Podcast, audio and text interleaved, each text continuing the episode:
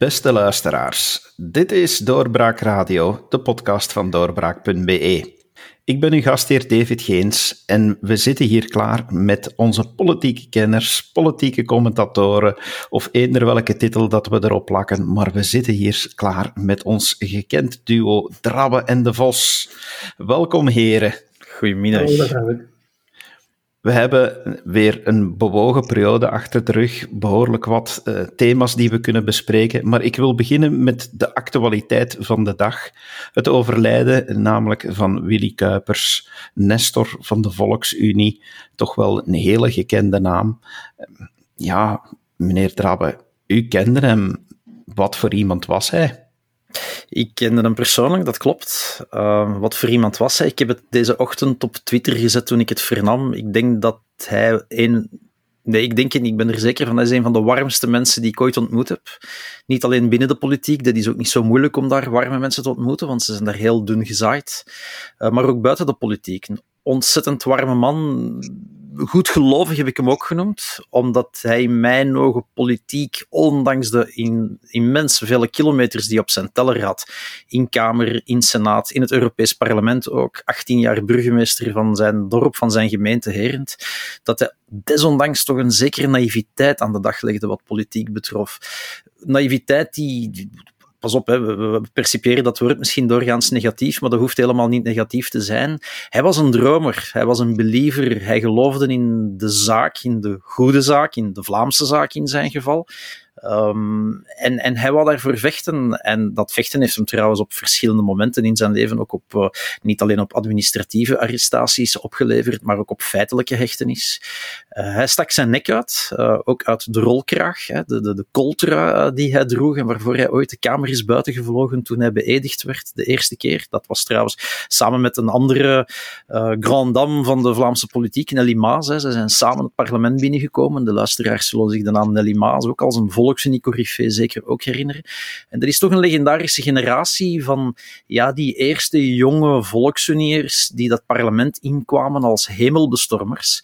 Maar 50 jaar later uh, was Willy Kuipers nog altijd een hemelbestormer. Het was nog altijd iemand die geloofde in de grote idealen van destijds. Uh, ontvoogding en emancipatie, denk ik, waren zijn leidraden, de rode of de gele draden in zijn leven. En dat gold voor alles. Dat gold voor emancipatie van de kerk. Hij was daar nog altijd mee bezig, met dat anticlericale. Dat was nog altijd een draadje in zijn leven, hè, tot voor kort helaas.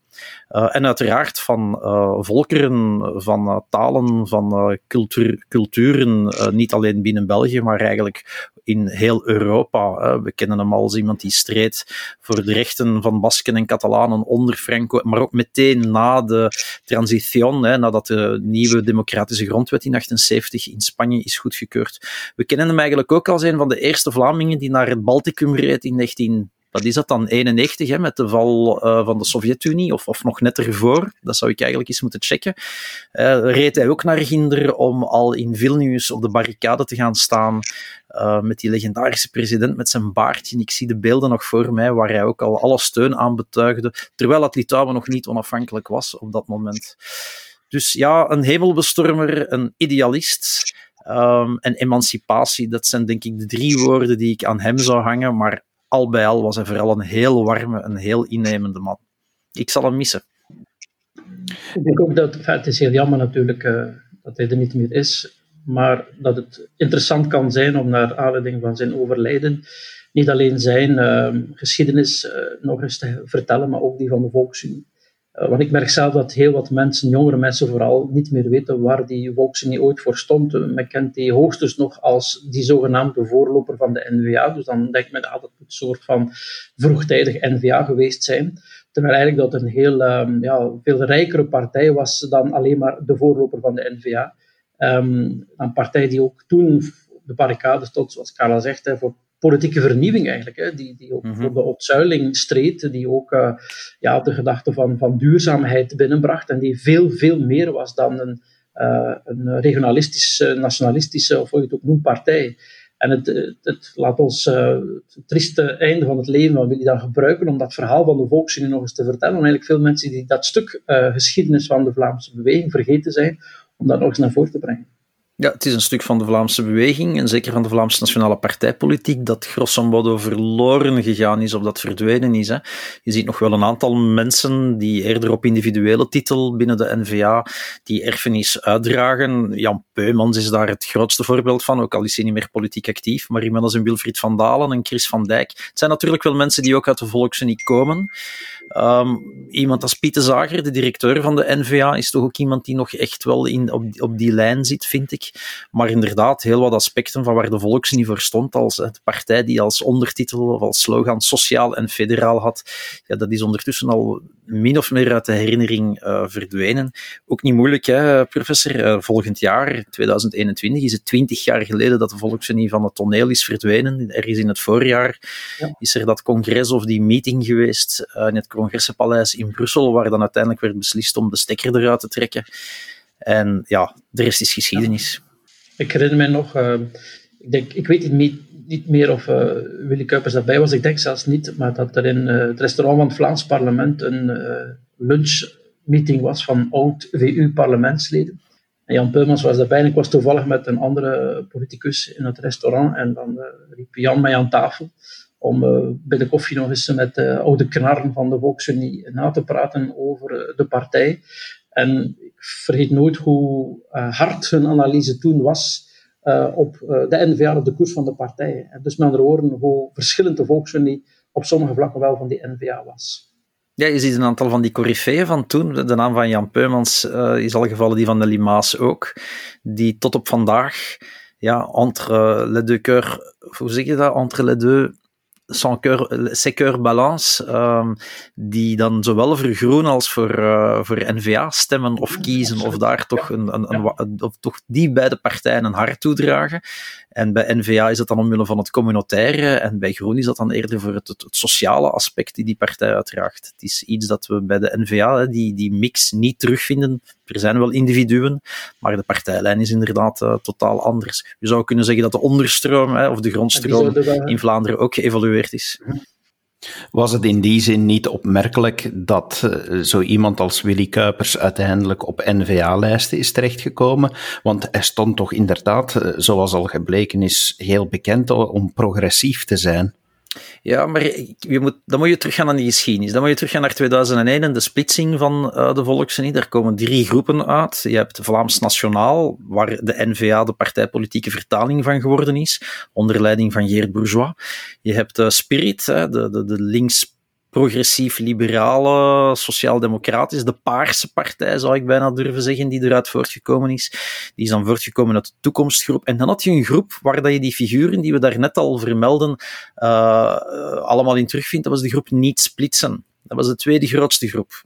Eh, volgens de statuten destijds, of volgens het wedstrijdreglement, ging de naam van de volksunie, ging de erfenis, ging het kantoor en dergelijke naar de grootste, dus naar de Vlaams Nationaal Groep, wat NVA is geworden.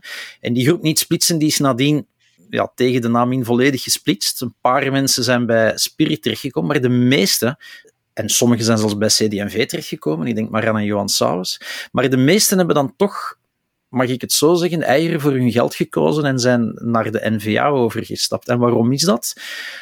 Eén, dat was toen nog de hele kleine partij van Geert Bourgeois, dat uh, wat hardere, liberale of kapitalistische standpunt, zo, uh, Voca is mijn baas, hè, de uitspraak van Bart de Wever, dat vond je op dat moment nog niet bij uh, de NVA. Dat was echt wel de voortzetting van het partijpolitieke Vlaams nationalisme au waar dat de Volksunie voorheen ook stond, ondanks de sociale en de ecologische standpunten van de Volksunie. En dat had je niet bij Spirit. Spirit was toch op de eerste plaats een soort ja, jong 21ste postmoderne paarse partij, links-liberale partij, waar dat, dat regionalisme echt wel op, uh, ja, op, op het achterplan verschoof. En voor volbloed nationalisten, zoals een Chris van Dijk, zoals een Jan Peumans, zoals een Willy Kuipers, was het dan evident om uiteindelijk naar die NVA te evolueren. Ook al konden ze zich daar zeker sociaal, economisch um, en uh, op vlak van ecologie niet helemaal in terugvinden. Dus het is daar eigenlijk die, die, die, het, het gele lijntje, hè, het, pure Vlaams nationalisme als dusdanig, uh, staatshervorming, uh, regionalisme, die daar de bovenhand haalden bij die mensen en dus ook bij Willy Kuipers om voor N-VA te kiezen. En dat leert ook tegelijk welke evolutie ook N-VA zelf in haar geschiedenis heeft ondergaan, van heeft geschreven. Je zou je moeilijk kunnen inbeelden dat diezelfde volksunie mensen vandaag nog de overstap uh, zouden maken naar de NVA. Maar de NVA was van toen was een ander NVA dan vandaag. Hè. Zo is een tijd geweest. Ik denk dat dat uh, na de verkiezing van 2009 was, geloof ik.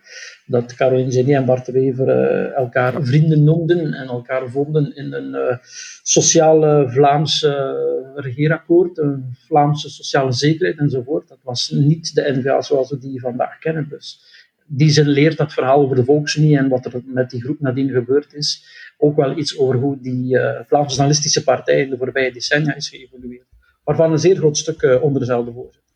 Ja, als we in die zin kijken, ja, hoe zou, en dat zijn altijd van die moeilijke vragen van, maar hoe zou iemand zoals Willy Kuipers nu kijken naar het feit dat afgelopen weekend Bart de Wever opnieuw voor de zesde keer verkozen is als voorzitter van de NVA, lijkt wel voorzitter voor het leven te worden. Dus ja, zou dat mogelijk geweest zijn in de Volksunie van vroeger? Dat zijn twee verschillende vragen. Hè. Ik, Willy zou het verdedigd hebben. Uh, hij had een heel groot hart, één voor de Wever, voor de moed, de zelfopoffering. En, en vul het zelf maar in, die de Wever de voorbije jaren, sinds 2004 is, die uiteindelijk al voorzitter uh, aan de dag heeft gelegd.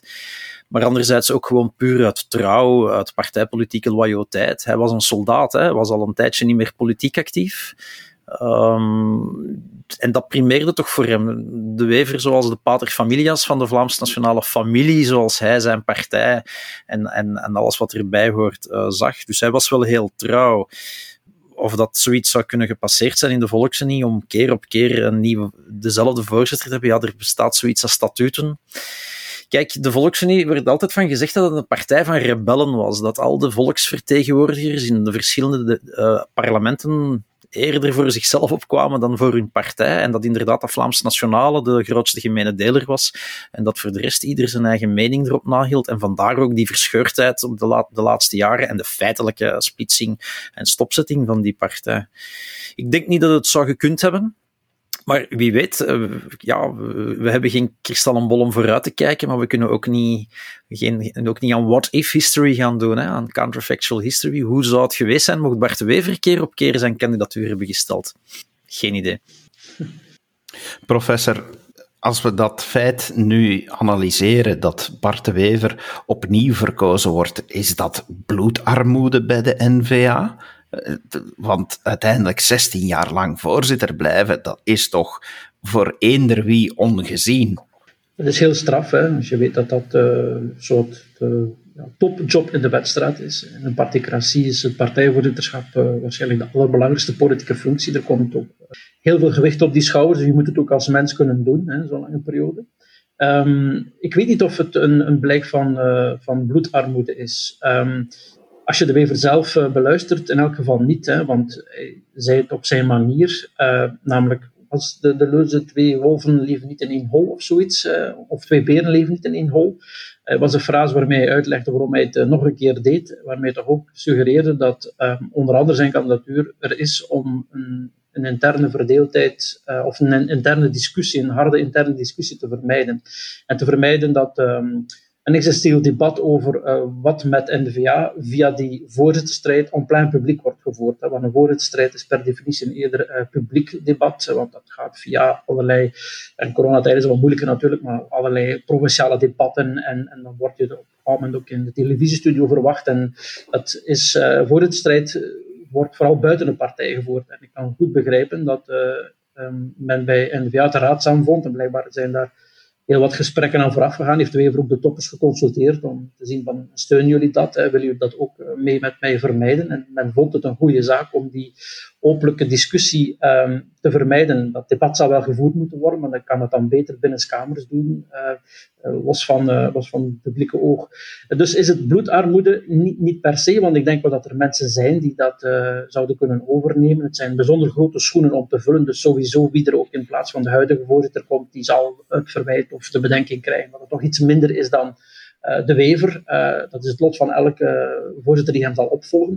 Maar dat is een kwestie van te groeien in die schoenen. En volgens mij zijn er wel mensen binnen de partij die dat kunnen. Alleen uh, zit de partij op dit moment, we hebben het er al eerder over gehad, in een, in een moeilijke situatie.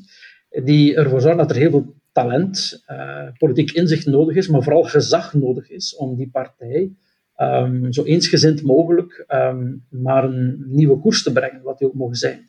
En, en je, zou kunnen vermoeden als er een nieuwe goede voorzitter komt, dat hij dat gezag niet geeft om binnen de partij alle neuzen in dezelfde richting te krijgen. Een van de absolute handelsmerken van de NVA is dat men, en ik weet dat uh, politieke uh, analisten en specialisten zien wel die, die interne discussies, maar heel veel mensen uh, ja, hebben weinig weet van de interne debatten die bij NVA gevoerd worden. Dat blijft al bij al vrij gesloten. Als je dat vergelijkt, let ook op de omvang van die partij. Het is geen kleine partij, het is de grootste partij.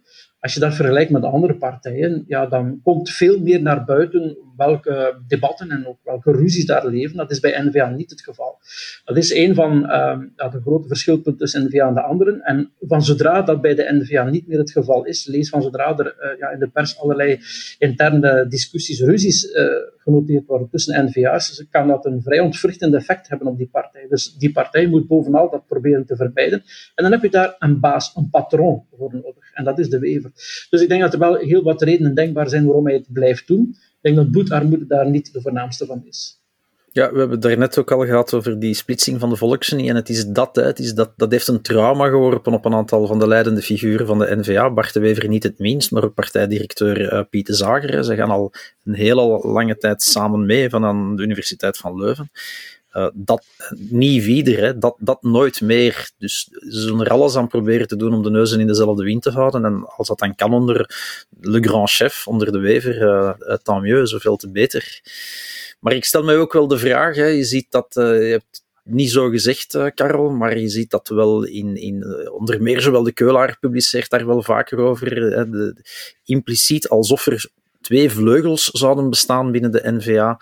Eén die wil samenwerken met het Vlaamse Belang en een andere niet. En dat dat de fundamentele discussie binnen de partij zou zijn, die die partij uit elkaar zou rijten, mocht Franken winnen dan wel iemand anders, voor zover dat Theo Franken kandidaat zou zijn. Maar dat is iets dat ik toch niet echt zie en ook niet geloof. En uh, professor De Vos verwees nee, daar net al naar... Nee. Sorry? Niet in die mate. Allee, niet in die mate, zoals nee. omdat... soms wel eens voorstelt, als twee ja, maar wat, ik dan denk, dat is, ja, media gaan dat ervan maken natuurlijk. De discussies mhm. zijn niet zo diep of zo groot, denk ik, binnen de partij, waardoor dat twee kandidaten, laat ik maar zeggen, met tegengestelde programmapunten naar interne verkiezingen zouden stappen, zoals dat bijvoorbeeld wel het geval was met de Open VLD heel recent. Daar was een heel duidelijk onderscheid tussen de verschillende kandidaten, of toch tussen een aantal van de kandidaten dat zie, zou ik niet zo snel zien gebeuren binnen NVA, maar het zal natuurlijk wel door andere media gebruikt worden, net om die grote vraag die boven die partij hangt van samen een meerderheid of niet, uh, om, om dat op te kloppen en uit te vergroten. En dat wil denk ik de Wever ook de kosten wat kost vermijden en voor zich uitschuiven tot 2024. Ja, dus dat, dus dat wat men ook wel wil vermijden. Hè, van, mocht dat... Uh eigenlijk uh, normaal en in, essentie ook zeer gezond uh, intern debat via een keuze voor een nieuwe voorzitter gevoerd worden. Daar is op zich niets mis mee, maar je weet wel dat dat natuurlijk uitvergroot wordt en dat is een bewijs van die, het is eerder een vooronderstelling dan een vaststelling, bewijs van grote gespletenheid in de partij blootlegt. Nu, anderzijds zijn er natuurlijk, en dat is ook perfect begrijpelijk, wel um, verschillende visies. Um, toen de Vlaamse regering werd gevormd, um, ja, eh, was er sprake, moet er geen coalitie komen met onder andere SPA? Hè? Moeten, we, moeten dat niet proberen? Wel, er waren mensen die vonden dat dat dan weer een te linkse regering zou zijn en, en men dus beter de Zweedse coalitie zou verder zetten als een soort van middenposities tussen enerzijds de regering met het Vlaams Belang en anderzijds de regering met SPA. Nu, dat is heel begrijpelijk dat daar verschillende ideeën over bestaan.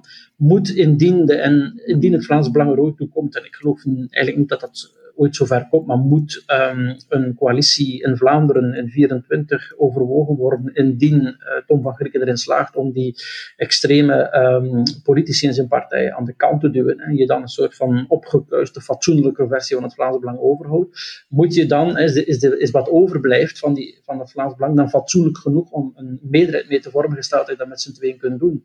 Ik begrijp zeer goed dat daar fundamentele discussies over bestaan.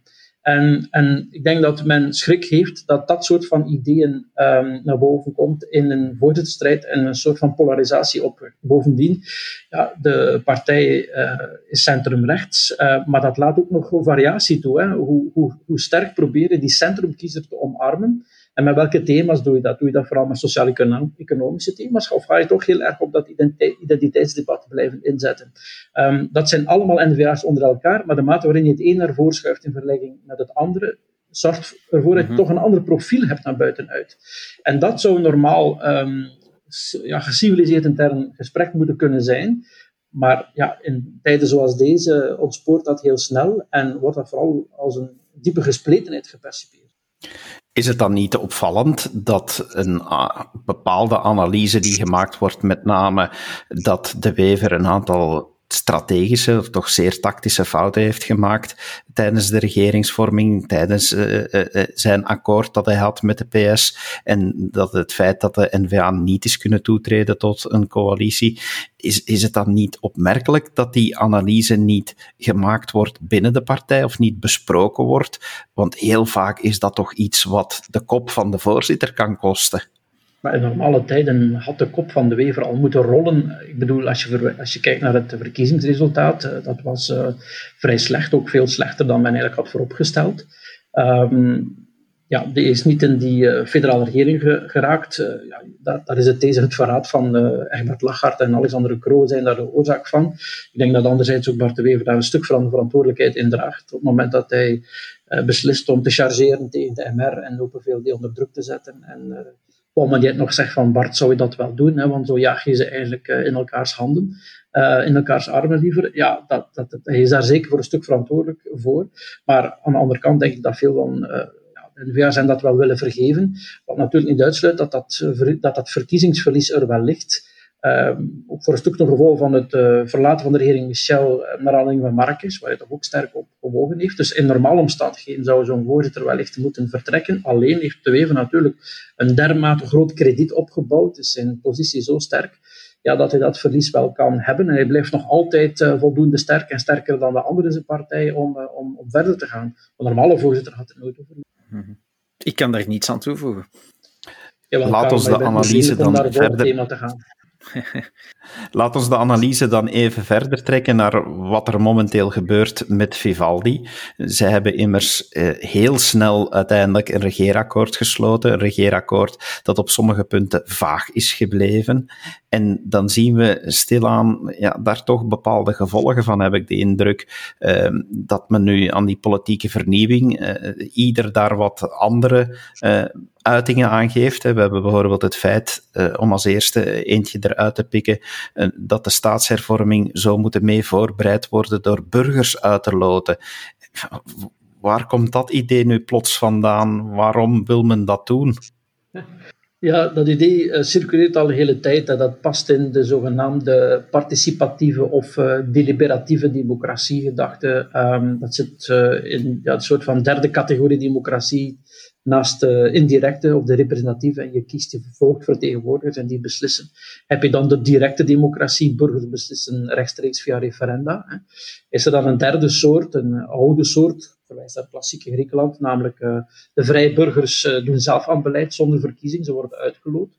En dat is al een hele tijd, dat is al ruim tien jaar, een moderne manier om de democratie te, te versterken, aan te vullen, dat dat dus ook in eigen land um, in beleidsvoorstellen naar boven komt, is niet onlogisch. In het buitenland zie je daar ook trouwens verschillende voorbeelden van. In eigen land was de G1000 een, als je naar resultaten kijkt, achteraf mislukt. Als je naar het proces kijkt, misschien gelukt de eerste bekende poging in eigen land. Dus dat dat naar boven komt, is niet uh, raar. Dat het gekoppeld wordt aan staatshervorming is ook niet raar, want in andere landen heeft men ook wel geëxperimenteerd met uh, burgerkabinetten die via loting worden samengesteld en die met z'n allen nadenken over bijvoorbeeld een nieuwe grondwet. Dus het gedacht zelf bestaat in het buitenland ook op het thema dat het hier in België naar boven komt, is dus niet onlogisch. Maar het is en blijft, vind ik, uh, we moeten nu het hele proces van de deliberatieve democratie niet voeren. Het kan een zekere meerwaarde hebben, maar um, ik vermijd uh, om cynisch te zijn. Maar de verwachting dat uh, zo'n panel, het geloten burgers samen met nog wat middenveldmensen en experts, een, uh, een, een draaiboek op tafel zullen leggen voor de staatshervorming, die die lieve partijvoorzitters en parlementsleden nadien uh, via copy-paste in bijzonder meerderheidswetten en grondwetsherzieningen zullen gieten, ja, dat geloof ik echt niet. Dus um, ik vrees een beetje, maar ik nogmaals, ik wil niet te cynisch klinken, ik vrees een beetje dat dat uh, een leuk nummer is om te brengen, hè, want ja, je bent democratisch, je laat de burgers betrekken enzovoort. Dat kan wel tot een paar nieuwe inzichten leiden, maar dat zal volgens mij totaal niet wegen in het machtsspel in de wedstrijd. Nee, inderdaad. En, het woord machtsspel is denk ik uh, heel goed gekozen. Hè. stel je hebt zo'n panel van, weet ik veel, hè, 100, 500, 1000 5000 mensen. Ik weet niet hoe, hoe er zal gelood worden. Eerste vraag is al, ja, hoe ga je die samenstellen? Hè? Hoeveel procent Nederlandstaligen, hoeveel procent Franstaligen? Hoeveel moeten er uit Brussel komen? Wat doen we met de Duitsstalige gemeenschap? Uh, hoe gaan we die vertegenwoordigen? Um, en dan kun je zelfs nog verder gaan van... Uh, wit en bruin, zal ik maar zeggen, hè, en, en, en, en nieuwere uh, autochtonen, moeten daar dan ook rekening mee houden? Hoe lang moeten mensen hier al wonen om te mogen deelnemen aan zoiets? Moeten ze dan eerst een of ander bewijs kunnen voorleggen dat ze iets begrijpen van politiek, van instellingen, van institutionele hervormingen, van staatshervorming?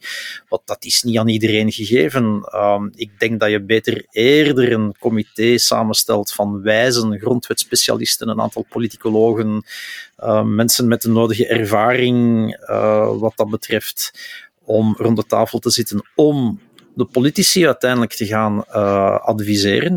We hebben nog altijd niet voor niks leven we in een representatieve democratie en vragen wij aan politici elke vier, sorry, elke vijf jaar tegenwoordig, of elke zes jaar op gemeentelijk niveau, om voor ons beslissingen te nemen. En als ons dat niet aanstaat, dan sturen we ze naar huis. Dat wordt wel steeds moeilijker natuurlijk in de dubbeldemocratie België enerzijds en anderzijds met het feit dat je in elke partij, of tenminste in elke gemeenschap of gewest, met heel veel partijen zit. Hè. Dat hebben we vandaar ook de moeilijke regeringsvorming in de laatste tien jaar. Maar je komt wel in een machtsspel terecht waar dat instellingen en, en machten een rol spelen. Partijen en partijvoorzitters, kabinetten en kabinetchefs en kabinetsmedewerkers. Uh, allerlei um, overheidsdiensten en, enzovoort, administraties, uh, om maar te zwijgen van vakbonden, mutualiteiten en andere zuilorganisaties die toch ergens in de particratie die dit land is, een vinger in de pap hebben. Hoe ga je dat in hemelsnaam gaan delibereren, laat staan corrigeren door een groep mensen die, ja, daar komt het uiteindelijk op neer, hè, willekeurig van de straat is geplukt willekeurig. Dan kom ik terug bij mijn eerste argument. Hoe ga je die groep dan samenstellen? Hè? De evenwichten van het land, hoe gaan die vertaald worden in zo'n groep uh, mensen die dan waarschijnlijk nog niet eens iets weten over instellingen of institutionele hervormingen? Er zijn heel wat in de literatuur ook trouwens uh, kritische analyses over deliberatieve democratie. Um, een van de opmerkingen is dat je toch sowieso al werken met loting eindigt met een soort van participatie-elite. Als je het profiel opmaakt van de gemiddelde deelnemer aan zo'n paneldebat, en dat zijn dat eerder hoger opgeleide um, autochtone mannen bijvoorbeeld. Uh, dat is een typisch voorbeeld. Dus uh, waar gaat de gedesinteresseerde, ontgoochelde kiezer zijn plek krijgen in dat uh, soort van burgerpanels. Maar goed, je kan dat argument wegvegen met de stelling dat het geen representatief orgaan is. Het hoeft niet representatief te zijn voor de Belgische bevolking. Uh, je moet alleen zorgen voor een diversiteit aan visies, opmerkingen, argumenten. Er moeten vooral verschillende argumenten en inzichten um, in het debat gebracht worden. Daarvoor zou zo'n burgerpanel uh, kunnen dienen. Alleen vind ik het zeer cynisch dat dat net uh, nu wordt voorgesteld, want um, het binnenbrengen van wat er in een samenleving leeft aan verschillende ideeën en visies is perfect de taak van het verkozen parlement. Dat verkozen parlement heeft de voorbije maanden al heel wat klappen gekregen. Uh, heel lang buitenspel gestaan door de lange formatiepoging, dat het parlement eigenlijk geen rol inspeelde. Ondertussen in coronabeleid uh, volmachten moeten accepteren met superministerraden die op zaterdag allerlei beslissingen namen waar ze niks over te vertellen hadden. Dan hebben we onlangs nog um, toch zware aantastingen van de grondrechten gezien via uh, avondkloksysteem, waar het parlement ook niks in te zeggen had. Uh, de coronawet, die grondwetspecialisten bepleiten om ja, dat soort van vergaande inbreuken op de grondrechten niet langer via een ministerieel besluit, maar wel via een wet, in het parlement gestemde wet, te regelen, ja, wordt van tafel geveegd. Dat is allemaal niet zo uh, belangrijk. Um, je ziet nu ook dat bijvoorbeeld het debat rond de beleidsbrieven die eh, de regeringsleden binnen de zes weken in de commissies hadden moeten presenteren. Ja, dat levert nu wel interessant eh, nieuws op, maar um, dat, daar heeft men de deadline die in artikel, wat is het, 121 bis geloof ik, van het Kamerreglement staat, niet eens gerespecteerd. Dus het parlement, dat is een van de belangrijke instrumenten die het parlement geeft bij een nieuwe regering, namelijk discussiëren over de beleidsverklaringen van de regeringsleden. Zien wat die regeringsleden eigenlijk van plan zijn de komende vijf jaar, hoe ze dat regeerakkoord lezen, ja, ook dat werd met veel te weinig respect behandeld. Dus als je dat allemaal ziet passeren, hè, een aantal parlementsleden stappen ook op en die zeggen we gaan naar een kabinet, daar heb je tenminste macht, hier zit je ook met de fietsen op een home trainer. Als je dat allemaal oplijst en je zit er als volksvertegenwoordiger, uh, alle macht gaat uit van de natie, zegt de grondwet, en de natie is vertegenwoordigd in het parlement. En je moet dan horen dat men via loting burgers zal aanstellen om eigenlijk die inzichten die in de samenleving leven te verzamelen, ja, dan zou ik als verkozen parlementslid toch ook de vraag stellen, wat doe ik hier eigenlijk nog? Dus het is uh, ook, uh, vind ik, een beetje cynisch uh, dat je dat doet ten aanzien van een parlement dat de laatste tijd zoveel klappen heeft. Ja, inderdaad. Hè. Wat doen ze daar nog vandaag? Dat er een aantal mensen naar hun, hun, functie ook inruilen voor kabinetten. Hè. Ik, ik, leerde net een nieuw woordje, participatie-elite. Ik, ik, kende het niet. Ik vind het wel mooi. Ja. En het doet me denken aan die G1000, waar je daar net je discours mee begonnen bent. Ja, de G1000 is begonnen met 1000 en is geëindigd met 5 of met 36 mensen. Dus dat zegt ook wel iets over die representatieve ja, democratie. Absoluut. Dat is een tere punt van uh, burgerpanels. Nu, sommige voorstanders ervan pretenderen dat dat ook representatief kan zijn. Dat kan het nooit zijn. Maar je hebt zelf daarnet uh, ja, de, ja, laat ik het zeggen, democratische superioriteit van een verkozen parlement ten aanzien van een burgerparlement geduid. Dat is namelijk de legitimiteit. Hè. Een mhm. verkozen parlement kan je naar huis sturen, je kan sanctioneren, je kan belonen door die verkozene of zijn partij of haar partij opnieuw uh, met je stem te eren. Maar je kan dat totaal niet doen ten aanzien van uh, uitgeloten burgers. Die hebben dus geen legitimiteit. Die kunnen misschien interessante inzichten binnenbrengen. Maar als je kijkt naar de grondwet, eh, de macht, alle macht gaat uit van de natie. Die wordt via verkiezingen in het parlement gebracht. Ja, de democratische positie van een verkozen parlement ten aanzien van het burgerparlement is absoluut superieur. Um, en het risico bestaat natuurlijk dat uh, wat uit zo'n burgerpanel naar boven komt, in een wellicht onbedoeld populistische formulering een soort van groter gewicht of een evenwaardig gewicht zou kunnen krijgen als wat een parlement voorbrengt vanuit de populaire these, ach, maar het zijn de burgers zelf die dat soort ideeën hebben naar voren gebracht. En dat zijn dus mensen uh, van de straat, Jan allemaal, u en ik, uh, terwijl die uh, verkozen des volks, die, ja, die behoren tot het systeem. Dat zijn eenmaal wetstraatbewoners, die zitten daar al lang en die zien de dingen minder helder en minder zuiver dan de burgers zelf.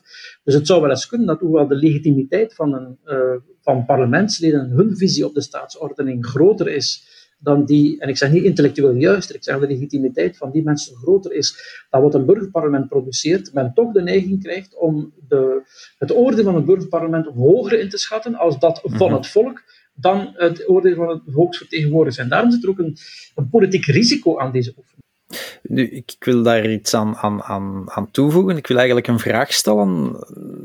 Jullie hoeven daar geen van beiden op te antwoorden, maar ik bedenk mij nu plots. Uh, Christophe Calvo heeft uh, het bekendmaken daarvan, van die loting, van die, die, dat burger. Uh, ja, dat, dat element van burger of van deliberatieve democratie dat men nu wil invoeren over de staatshervorming, aangekondigd op Twitter, maar daarbij met de boodschap van ha, uh, nu zullen jullie wel eens zien hoe dat mensen denken over uh, splitsing van gezondheidszorg of politie of Brussel half Vilvoorde of wat dan ook. En nu kan ik me niet van de indruk ontdoen, maar dat is een bedenking die ik mij pas zo net maakte, um, dat dit misschien wel eens een soort, mag ik het een afleidingsmanoeuvre noemen, van deze regering die misschien ja, die tegen 2024 trouwens een nieuwe staatshervorming moet uitwerken, of uitdenken liever.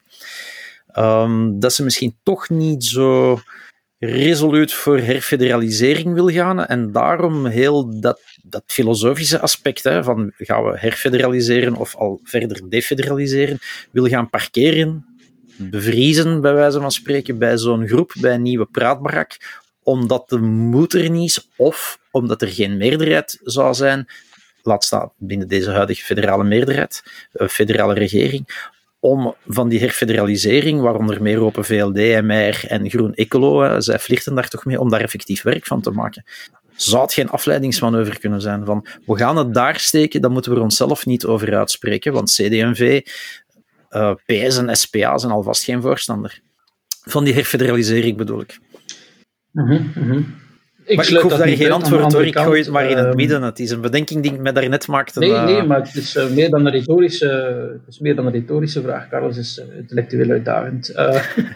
um, ik, denk, ik denk niet dat het... het zou kunnen ook als een afleidingsmanoeuvre bedoeld zijn. Ik denk dat het vooral ook bedoeld is om te zeggen, kijk jongens en meisjes, we zijn bezig met politieke vernieuwing. Hè. We luisteren naar het volk. Het volk mag zelf in Brussel aan tafel komen zitten. Dat is, dat is een eerste element. Um, het tweede element is, als je de timing bekijkt, ja, dan moet dat burgerparlement toch... Ik ben het even uit het oog verloren, maar wat eh, vroeger dan het einde van de legislatuur met conclusies komen. Mhm. Lees uh, na de conclusies van het burgerparlement rest er nog wat tijd voor de politiek om daar iets of niets mee te doen. Dus dan moeten ze toch wel kleur bekennen. Nu, over de hele oefening rond staatshervorming, dat is, uh, en ik ben daar in, in, principe ook voor, eerder academisch en politiek relevant, want uh, deze regering zal een plan uittekenen. Ja, dan zien we dat wel na de verkiezing van 2024 hoe de kaarten liggen. En ik zeg niet dat dat een nutteloze arbeid is, maar um, heel erg uh, veel energie moet men daar denk ik niet in steken, want men zal dat wel zien de verkiezingen hoe de nieuwe werkelijkheid eruit ziet. Ja, maar men gaat dat toch wel moeten... Sorry dat ik je onderbreek, maar het, het, is niet onbelangrijk. Men gaat dat toch wel moeten doen, want uiteindelijk zal, zal deze Kamer, of deze, de Kamer volgt met de huidige samenstelling, straks artikels van de grondwet moeten voor herziening vatbaar verklaren. Ja, maar ik heb uh, in het openingscollege, in, ergens in oktober, of was het begin november, uh, met de drie voorzitters van de klassieke partijen, Egbert Lachart bij mij, uh, les politicologie aan de UGent, mm -hmm. Egbert Lachart horen zeggen dat ze gewoon de paspartout van de grondwet gaan openzetten. Mm -hmm. en dus op die manier, zoals het de vorige keer ook gebeurd is, dan alles achteraf wel kunnen regelen die ze willen regelen. Ehm, dus je hebt gelijk, men moet die lijst goedkeuren, maar als je dat debat wil vermijden, dan kan je dat met één artikel eigenlijk oplossen. Ik lees eigenlijk tussen de lijnen van Christophe Calvo, ehm, wat ik ook wel eens elders hoor, namelijk um, wat partijen uh, zeggen over de staatshervorming, spoort niet helemaal met wat zelfs hun eigen kiezers daarover denken. En wellicht zijn er minder uh, mensen, burgers in Vlaanderen, voor steeds verdergaande staatshervorming dan er Vlaamse volksvertegenwoordigers, ook in de Kamer, voor staatshervorming zijn. Lees, als je het aan de burgers zou vragen, dan zouden we misschien minder eh, willen dat er nog meer eh, geregionaliseerd of gecommunitariseerd wordt. Uh, dan, dan dat je dat krijgt als je die politici aan het werk laat. Hè? Want er zijn heel wat partijen die voor meer staatshervorming zijn. Misschien zijn er heel wat burgers die zeggen nee, dat hoeft niet echt. En misschien is de kans op herfederalisering groter als je het aan burgers vraagt dan dat je het overlaat aan verkozen politici. Ik lees er eerder die, als ik, als ik uh, de woorden van Christophe Calvo lees, dan, dan lees ik tussen de lijnen eigenlijk de hoop dat de burgers eerder een uh, ja, groen standpunt zullen innemen op communautaire vlak mm dan een N-VA-standpunt. Dat lees ik. Omdat er binnen de huidige meerderheid, of tenminste binnen de huidige federale regering, geen meerderheid zal zijn om lijnrecht voor herfederalisering te kiezen. Wel, dat zal in elk, elk geval, als dat uh, zou gebeuren, maar opnieuw, dat is eerder academisch, want de uitvoering is voor na de verkiezing. Uh, maar goed, je hebt gelijk in de verklaring die men dan op het einde daarvan zou kunnen maken. En dat rapport, dat zal een extreem diplomatisch document zijn, dat op allerlei manieren gelezen kan worden, uiteraard. Maar als er dan die poort geopend wordt, ja, noem het dan naar een efficiëntere overheid. En de een leest daar herfederalisering in, en de ander zegt, ja, daar had het eigenlijk niet veel mee te maken. Dus, mm allez, ik wil um, al die welmenende burgers en middenvelders en weet ik wie er allemaal zal aan deelnemen.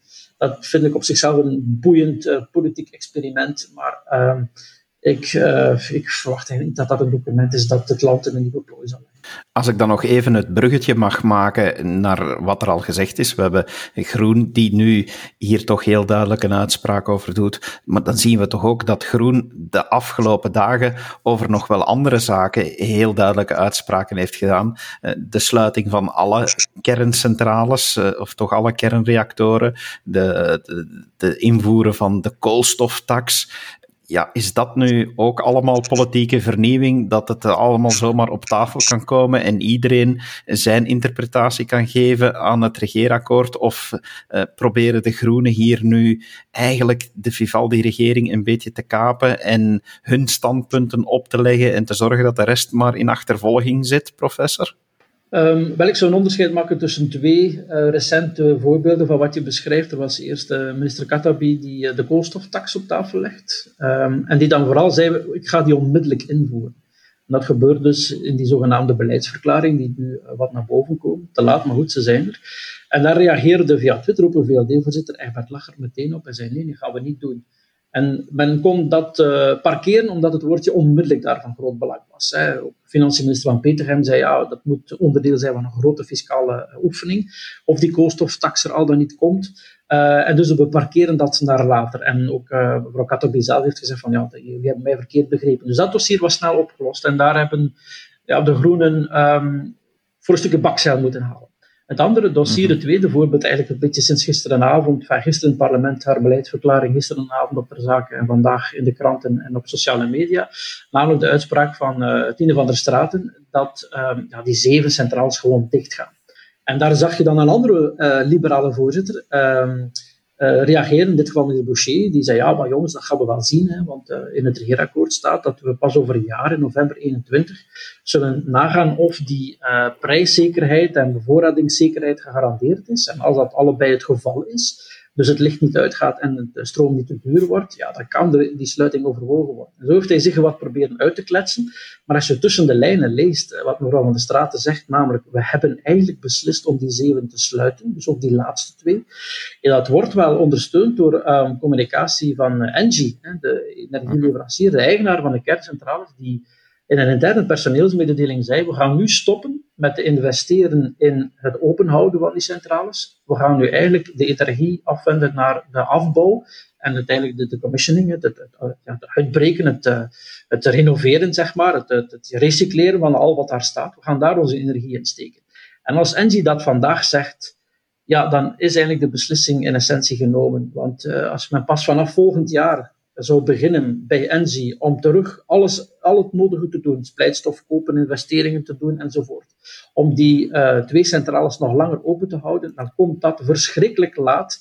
En zal Engie dan, als dat moet gebeuren volgend jaar, zal Engie uh, fantastische condities kunnen eisen aan de Belgische overheid om die twee centrales nog open te houden. Dus vriend en vijand concludeert eigenlijk dat ja, Van der Straten daar wel, um, en zeker ook met de reactie van uh, daar wel gescoord heeft. In die zin, wat de liberalen nog achter de hand houden, binnen jaren zien we wel, het is nog niet definitief beslist, ja, dat dat waarschijnlijk een Pyrrhus-overwinning is, dat stuk in het regeerakkoord krijgen, en dat men nu beslist heeft om die centrales te sluiten.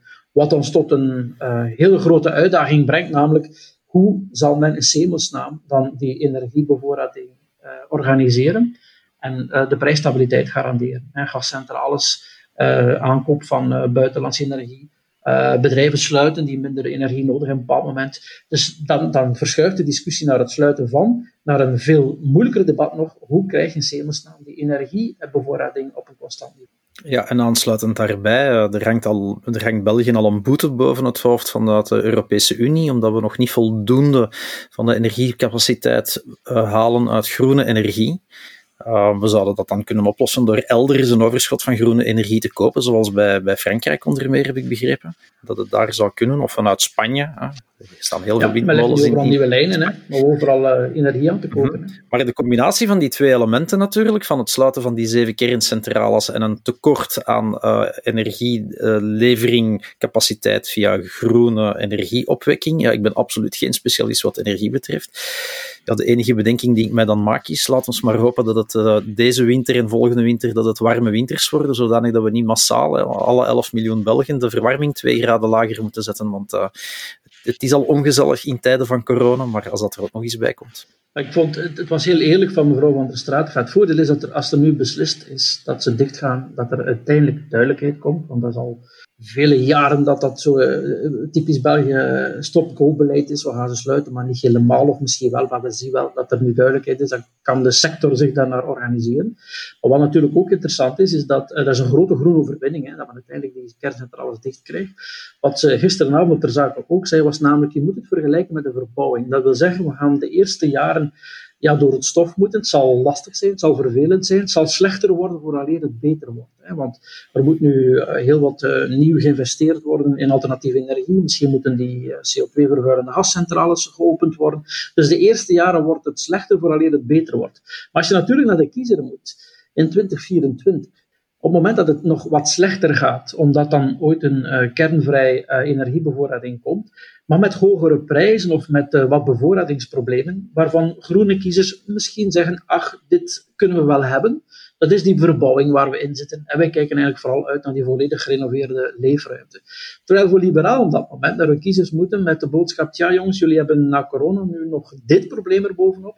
Ik begrijp wel dat de liberalen dat verhaal van het moet eerst wat slechter worden voor het beter gaat en dat slechter dan misschien midden in die uh, verkiezingsperiode valt, ja, dat ze dat proberen te vermijden. Dat begrijp ik wel. Maar het lijkt mij een gestreden strijd. Ja, en dat ligt er weer een dossier op tafel voor, uh, voor die NVA. Vorige keer hadden we het over de effectentax, dat dat opportuniteiten levert voor een NVA die op zoek is naar zichzelf. Maar ik denk als de federale regering op deze manier voortdoet, de koolstoftax, die effectentax, eh, de sluiting van de kerncentrales, er komt sowieso nog een coronabelasting op ons af, alleen weten we nog niet wanneer. Eh, de verhoging van de belastingen op de huurinkomsten, die waarschijnlijk staat aan te komen. Ja, het wordt stilletjes aan wel makkelijk, denk ik, voor N-VA om oppositie te voeren, waar het natuurlijk niet dat dat in deze dagen, in tijden van corona, niet in dank wordt afgenomen. Nee, dat is juist. Maar de voorwaarde is wel, je hebt gelijk, uh, dat de NVA dan zelf haar um, voorstellen uh, klaar en scherp heeft. Ja. Daarmee bedoel ik, um, als je in, in, het energiedebat kijkt, de NVA is wel eens soms uh, voor gascentrales en soms is tegen. Hè.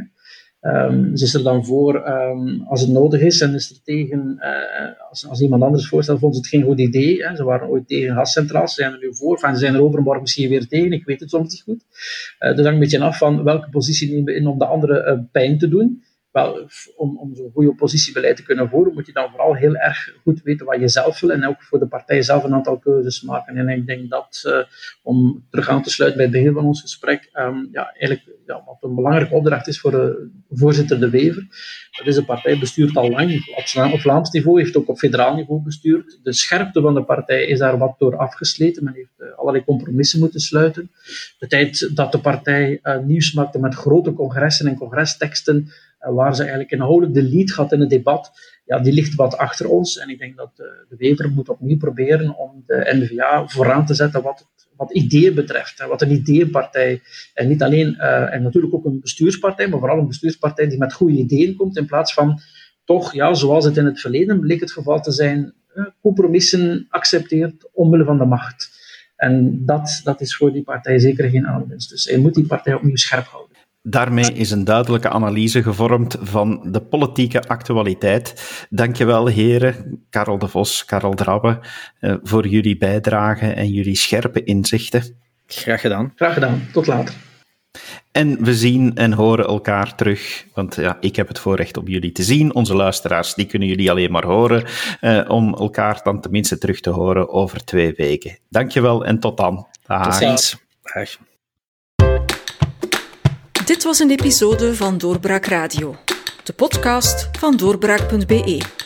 Volg onze podcast op doorbraak.be/slash radio of via Apple Podcasts, Overcast of Spotify. Bezoek ook onze website op doorbraak.be en steun ons door een vriend te worden van Doorbraak.